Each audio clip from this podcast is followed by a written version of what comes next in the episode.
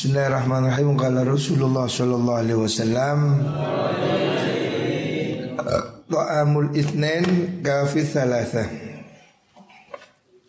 Ta'amul ithnain utai panganane wong luru ya. Makanan yang jatah dua orang maksudnya Iku kafi nyukupi apa ta'am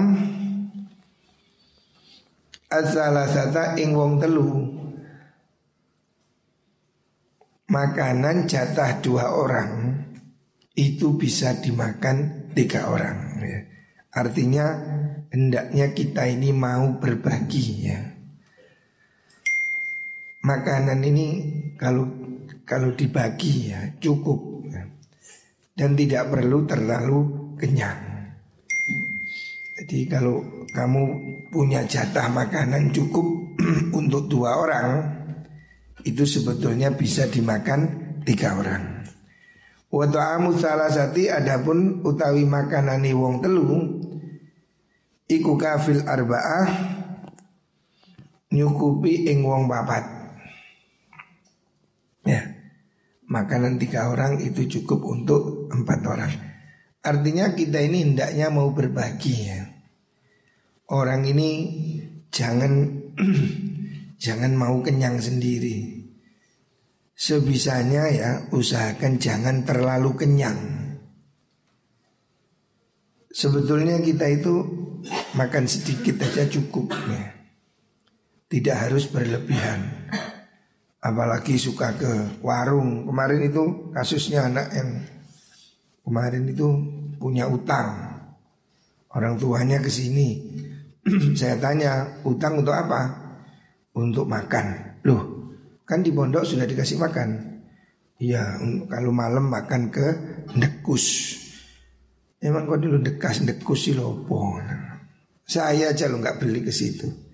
Artinya kita ini jangan biasa makan enak. Makan seadanya. Saya ya makan yang apa yang ada di di belakang itu.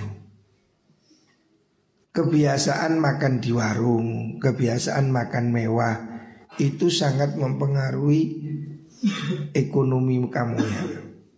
Karena boros itu dari sehari-hari ya. Jadi usahakan ya. Jangan jajan di luar. Di pondok ini cukup makan yang ada ini cukup ya. Toh dapur kita juga sudah cukup. Saya kira makanannya Cak Malik ini sudah enak. Sudah saya bandingkan dengan tempat lain Makanan di pondok kita ini sudah standar enak sudah Artinya kamu sebetulnya sudah tidak perlu makan di luar ya. Kebiasaan jajan itulah yang membuat kamu menjadi boros ya.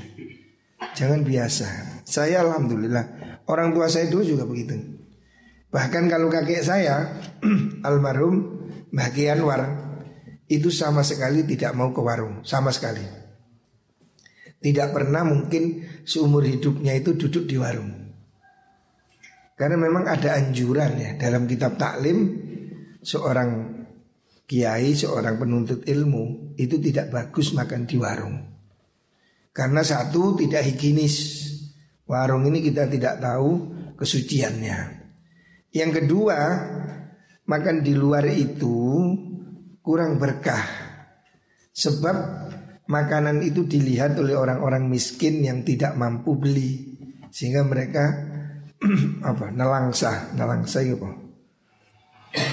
ngersula itu artinya orang miskin itu bau sate bau ayam goreng kan kepingin tapi tidak bisa beli nah itu yang membuat makanan itu kurang berkah makanya kalau di pondok ini sebetulnya sangat ya, sangat tidak dianjurkan.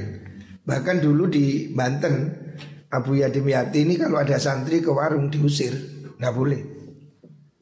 Ya karena dia kepingin santrinya berkah. Makanya di sini saya minta santri hendaknya cukup lah apa yang dimakan di pondok ya. Jangan biasakan jajan di luar.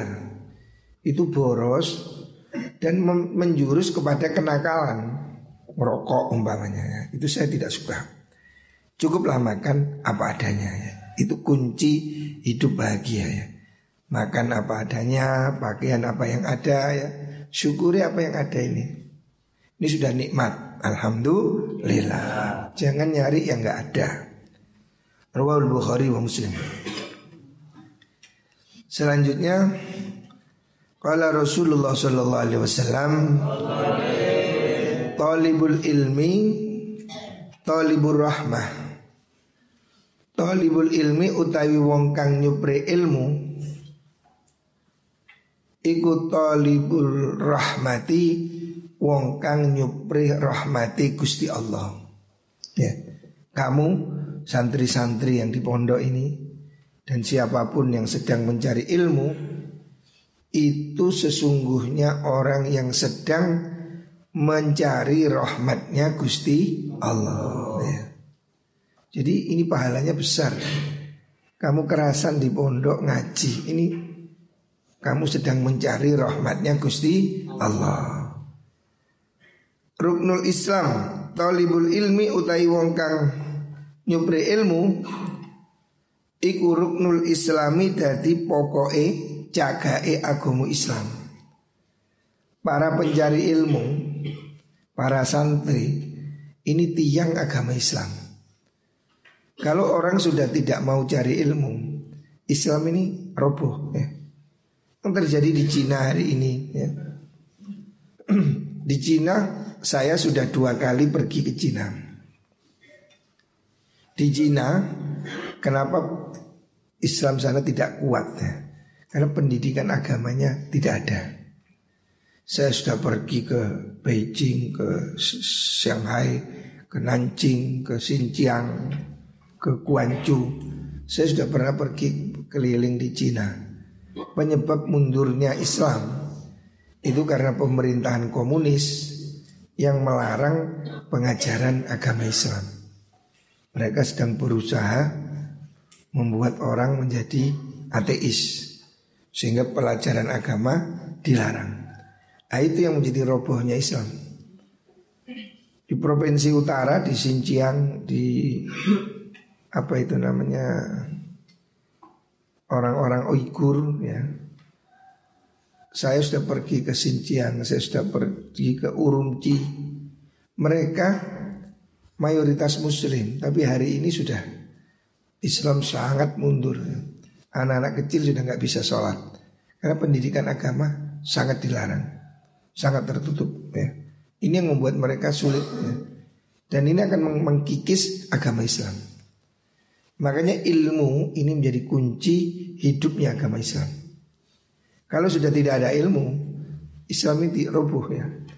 Karena Tuhan ini tidak bisa disembah dengan bodoh ya. Orang sholat tidak bisa tanpa ilmu. Makanya kamu para pencari ilmu itu menjadi soko guru ya, menjadi tiangnya, tegaknya agama Islam.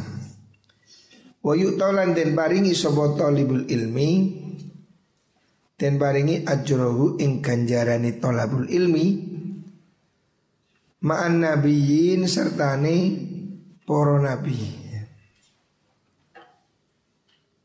pahalanya pahalanya mencari ilmu ya ngaji walaupun di rumah ngaji lewat Facebook umpamanya siapa orang mau mendengarkan pengajian siapa orang masih ingin menuntut ilmu ini diberikan pahala yang besar seperti para nabi. Maksudnya bersama para nabi. Pahalanya ini besar sekali. Makanya wong golek ilmu niki aras-arasen. Mondo abot ya. Orang mencari ilmu ini bot-boten karena pahalanya besar.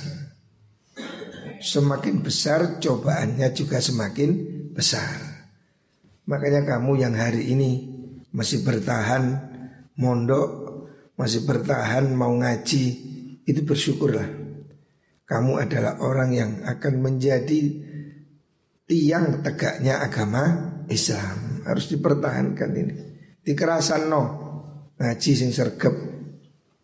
Ojo turuan, ya, ngaji sing sergep. Ku sing ngantuk-ngantuk iku kae. Ojo ngantukan. Ngaji ini satu jam Pahalanya sama dengan sholat seratus rakaat Besar sekali pahalanya. Makanya abot ya. Ngaji aras arasen. Nah. Selanjutnya ta'amul mukmin fi zamanid dajjal ta'amul malaika. Ta'amul mukmini utawi panganani wong mukmin fi zamanid dajjali ing dalam zaman metuni dajjal. Akhir zaman kan Nabi mengatakan akan tumbuh dajjal. Akan timbul akan datang dajjal pembohong. Nah, makanan orang mukmin, makanan yang halal itu to'amul malaika. Koyok panganani malaika. Rupane at-tasbih wa takdis. Ya. Artinya pada zaman akhir itu hendaknya kita ini memperbanyak ucapan tasbih dan takdis ya. Subhanallah walhamdulillah wala ilaha illallah wallahu akbar.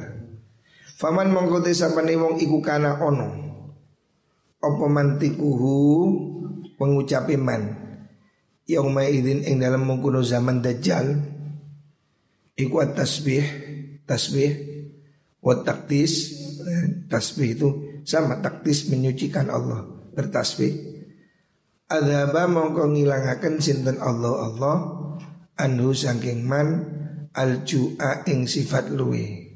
Ya. Jadi zaman akhir perbanyaklah tasbih ya. Karena itu makanan malaikat ya. Makanan malaikat itu ya tasbih. Artinya sehari-hari mereka ini malaikat ini kan tidak butuh makan. Tidak ada malaikat ke warung, malaikat beli soto, nggak ada. Malaikat tidak butuh makanan. Tetapi mereka makannya tasbih dan taktis ya, menyucikan Allah. Lah akhir zaman orang mukmin ini harus memperbanyak itu makanan malaikat.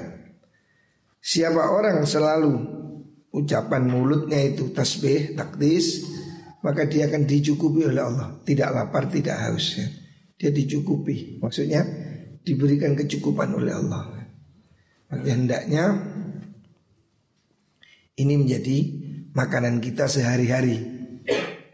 Perbanyak membaca tasbih ya. Menang-menang nih gue daripada nyanyi, daripada nopo pemane misu ya. Lebih baik kita bertasbih ya.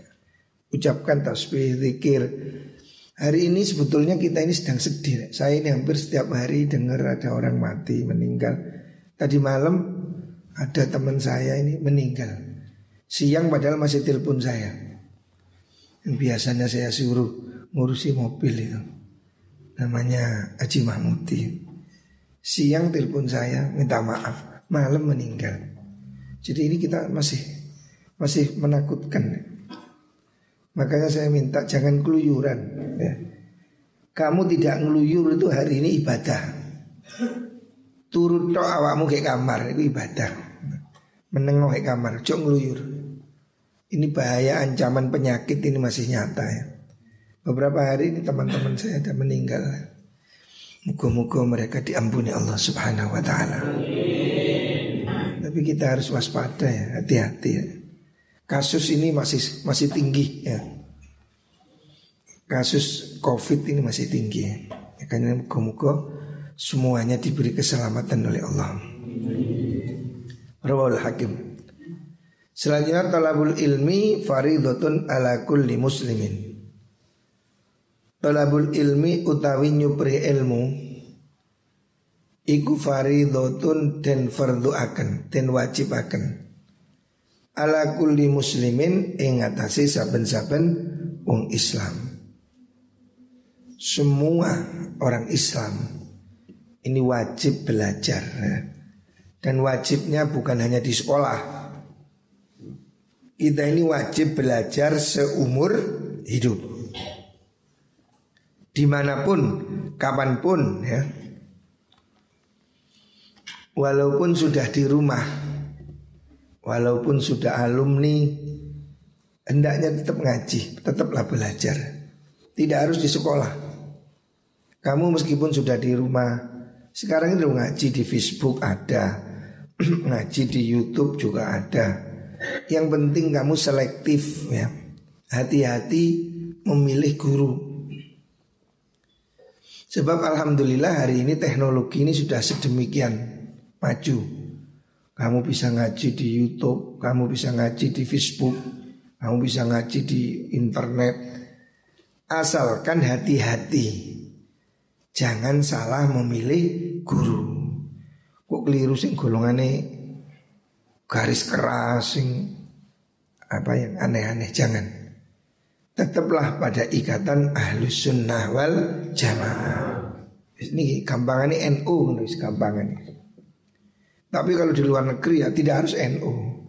Yang penting akidahnya Islam ahlus sunnah wal jamaah. Ya. Ini penting, jangan sampai tertukar Syiah, Wahabi, ya. Jangan tertukar. Kuatkan akidah ini. Ngajilah di mana pun kamu bisa. Ya. Wa inna talibal ilmi sutuni wong kang nyupri ilmu Orang yang mencari ilmu Iku yastaghfirun jalu akan ngapura. Lahu marin talibul ilmi. Sopo kullu syai'in saben-saben suwici Hatta al-hitanu Sehingga iwak Fil bahri ing dalem segoro Semua makhluk Allah di muka bumi itu mendoakan orang yang mencari ilmu. Sampai ikan di lautan. Makanya zaman dahulu ada mitos tidak boleh makan ikan laut. Nah, ini ya tidak ada dalilnya. Ya. tidak ada larangan makan ikan laut. Tetapi ulama dahulu ada yang memilih memilih hati-hati. Sebab dia mungkin berdasarkan hadis ini Semua makhluk hidup mendoakan orang yang mencari ilmu sampai ikan di laut Makanya dia tidak mau makan ikan Supaya ikannya tetap mendoakan Tapi apa tidak boleh? Ya boleh ya. Iwak kan juga enak Protein nah. Tapi orang dahulu memang ada yang tidak makan ikan Termasuk kisahnya Imam Nawawi Banten itu tidak mau makan ikan.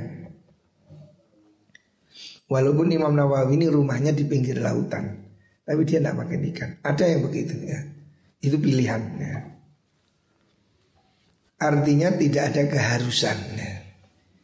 Ini menurut saya hanya simbol. Semua makhluk mendoakan sampai ikan yang ada di dalam lautan. Jadi kita ini mondok begini, duduk begini nih. Kamu ini didoakan malaikat. Eh? Alhamdulillah. Didoakan semua makhluk. Ya. Bersyukur. Kamu mau mondok, mau ngaji, ini syukuri. Ini nikmat ya. Maka ini ngaji sing sergap Ojo aras-arasan Sing istiqomah ya. Selanjutnya bunyi Tolabul ilmi utawi nyupri ilmu Iku afdolul utama indallahi munggu Allah. Minas sholati sangking sholat. Oh, Bahkan mencari ilmu ini lebih utama timbang sholat. Wasyamilan poso Wal haji lan haji Wal jihadi lan jihad Fi sawab fi sabilillah Asa wa Jadi mencari ilmu ini ya Ini lebih bagus dari puasa Haji Sholat Maksudnya apa? Bukan berarti terus gak ngaji Apa? Tidak naik haji cari ilmu saja Bukan begitu Apakah terus orang itu tidak harus sholat? sholat tetap wajib Yang dimaksud di sini adalah sholat sunnah Jadi mencari ilmu Ini lebih utama dari sholat Yang dimaksud adalah sholat sunnah lebih utama dari puasa. Puasa sunnah ya. Jadi yang dimaksud mencari ilmu ini dibanding amalan-amalan sunnah yang lain ini lebih baik ya. Bahkan menurut Imam Ghazali orang mencari ilmu santri ini ya itu sama dengan orang yang apa itu namanya puasa dan tahajud sepanjang malam. Artinya mencari ilmu ini pahalanya nggak kurang-kurang gitu loh. Kamu mau mondok, mau ngaji seperti ini. Ini sudah pahalanya sama dengan puasa, sama dengan tahajud, sama dengan yang lain. Apakah berarti santri tidak perlu begitu? Tetap perlu, ya tetap perlu. Tetapi mencari ilmu ini jangan kamu remehkan. Ya. Bahkan ada riwayat yang lain mencari ilmu satu jam ngaji seperti ini satu jam ini lebih baik daripada tahajud semalam suntuk. Lebih baik daripada puasa beberapa bulan. Itu saking pentingnya golek ilmu ya. Makanya kalau hari ini kamu ya masih mau ngaji, masih mau mondok, harus disyukuri ya. Alhamdulillah, nikmat rek. Kamu dapat nikmat. Makanya saya sendiri merasa pondok ini sebuah nikmat, sebuah karunia. Makanya saya berusaha ngaji. Walaupun sibuk saya tetap ngaji karena bagi saya ini nikmat ya. Kesempatan ini mahal. Kita bisa ngaji, gelem ngaji, punya hati senang ngaji, ini nikmat ya. Bersyukur. Ya. Makanya jangan berusaha untuk ke mana-mana. Wah ngaji kudu ngaji. Pahalanya ini lebih utama dari Qiyamul. Ya. Kenapa kok begitu? Si ngantuk ini ngantuk eh. Kenapa kok mencari ilmu itu disebut lebih baik dari tahajud atau dari apa namanya puasa? Sebabnya ya, kenapa sebabnya? Manfaatnya itu lebih lebih panjang. Orang mencari ilmu ya kan bisa manfaati pada orang lain. Ya seperti ayat ini saya ngaji. Mungkin ada 100 Kita ada 200 orang duduk di sini. Mungkin ada berapa yang lain Ngaji di rumah. Faedahnya berguna untuk orang banyak. Sedangkan kalau tahajud Itu kan digunakan untuk dirinya sendiri. Tahajud kan ya Untuk dia sendiri. Jadi manfaatnya lebih besar. Orang mencari ilmu ini spektrumnya jangkauannya lebih luas. Apalagi hari ini kita bisa ngaji di online seperti ini ya. Inilah alasannya kenapa mencari ilmu, mengajarkan ilmu itu lebih baik dari sekedar tahajud. Tetapi bukan berarti tidak penting tahajud ya. Tahajud tetap penting. Ya. Ini aja sekedar penyemangat pembanding gitu. Ruahud ya. Kemudian begini. Jadi apalagi di bulan Ramadan ya. Bulan Ramadan ini usahakan masih ngaji ya. Lebih lebih utama lagi ya. Dibanding cuma baca Quran pokoknya. Kan itu untuk dirinya sendiri ya. Hendaknya di mana pun selama kamu bisa ngaji, ngajilah. Walaupun mungkin lewat Facebook. Pengajian kita ini dirilai lewat Facebook supaya alumni-alumni bisa ngaji. Orang lain bisa ngaji. Ini kita ingin ilmu apa yang disampaikan Nabi kita sampaikan. Lah, kitab yang kita baca ini adalah hadis dawuh-dawuhnya kanjeng Nabi. Selanjutnya Tohiru Hadil Adsad Tohiru nyucekno sira kabeh. Hadil adsad ing ikilah piro-piro jasad. Tubuhmu ini hendaknya disucikan. Toharokum muka-muka nyuciakan kum ing sira kabeh sapa Allahu Gusti Allah. Fa innahu kelakuan iku laisa ora ono. Sapa abdun kaulah. Ya bitu kang nginep sopo mengkono rojul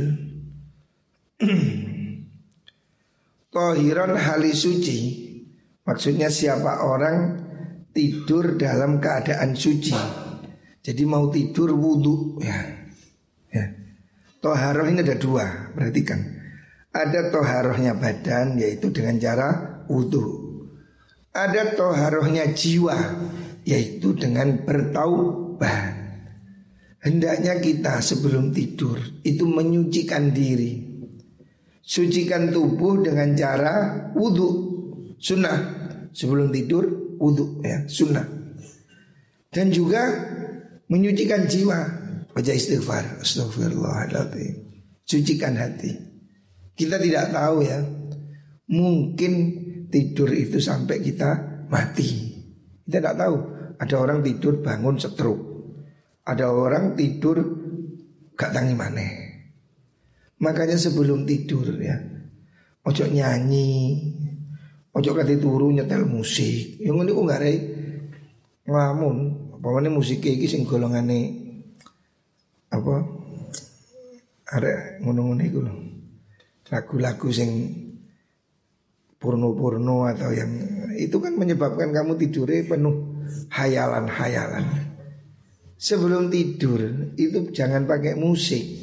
Sebelum tidur hendaknya baca Al-Quran atau baca istighfar. Kita tidak tahu apakah setelah tidur ini kita masih bisa hidup lagi.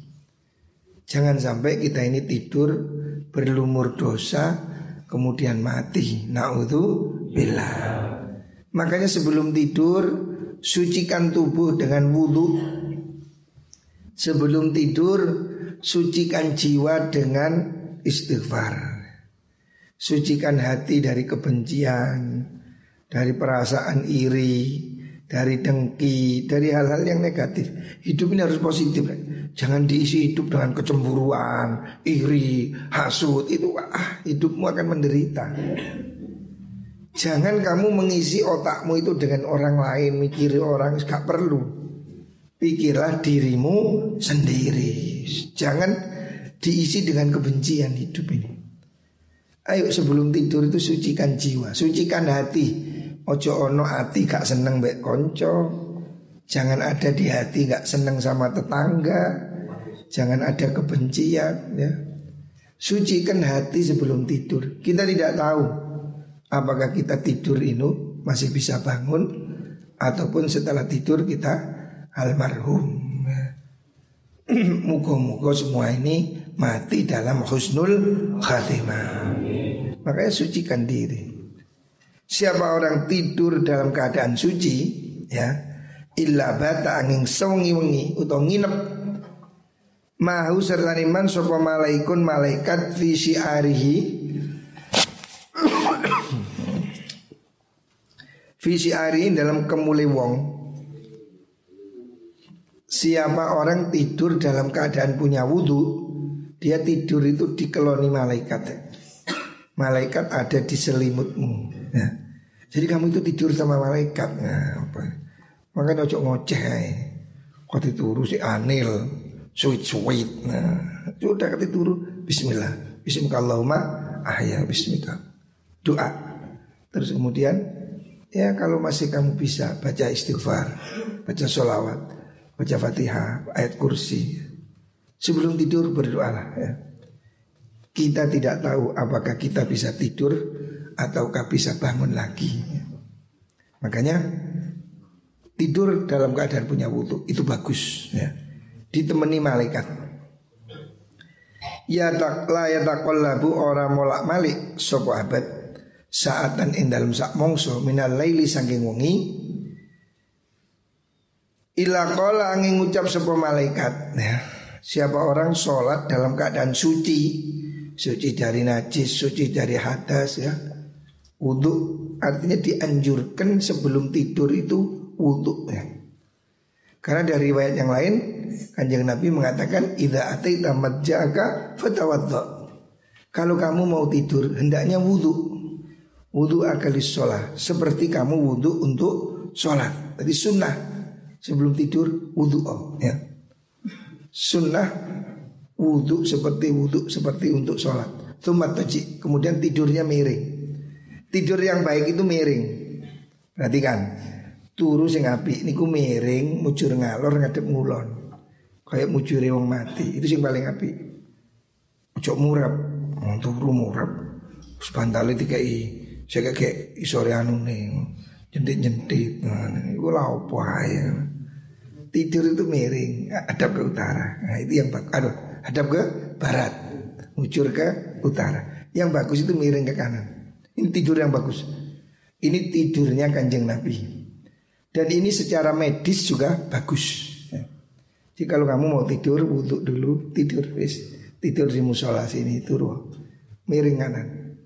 Ini yang bagus. Itu pahalanya besar.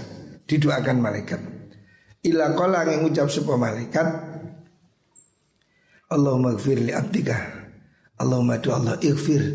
Mugi ngapura panjenengan li abdika maring kawula panjenengan. Fa inna usuni abad iku bata. Sewengi-wengi utawa nginep sapa man tohiron hale wong kang sesuci. Jadi kalau kita tidur dalam keadaan punya wudhu Itu keistimewaannya Didoakan oleh malaikat.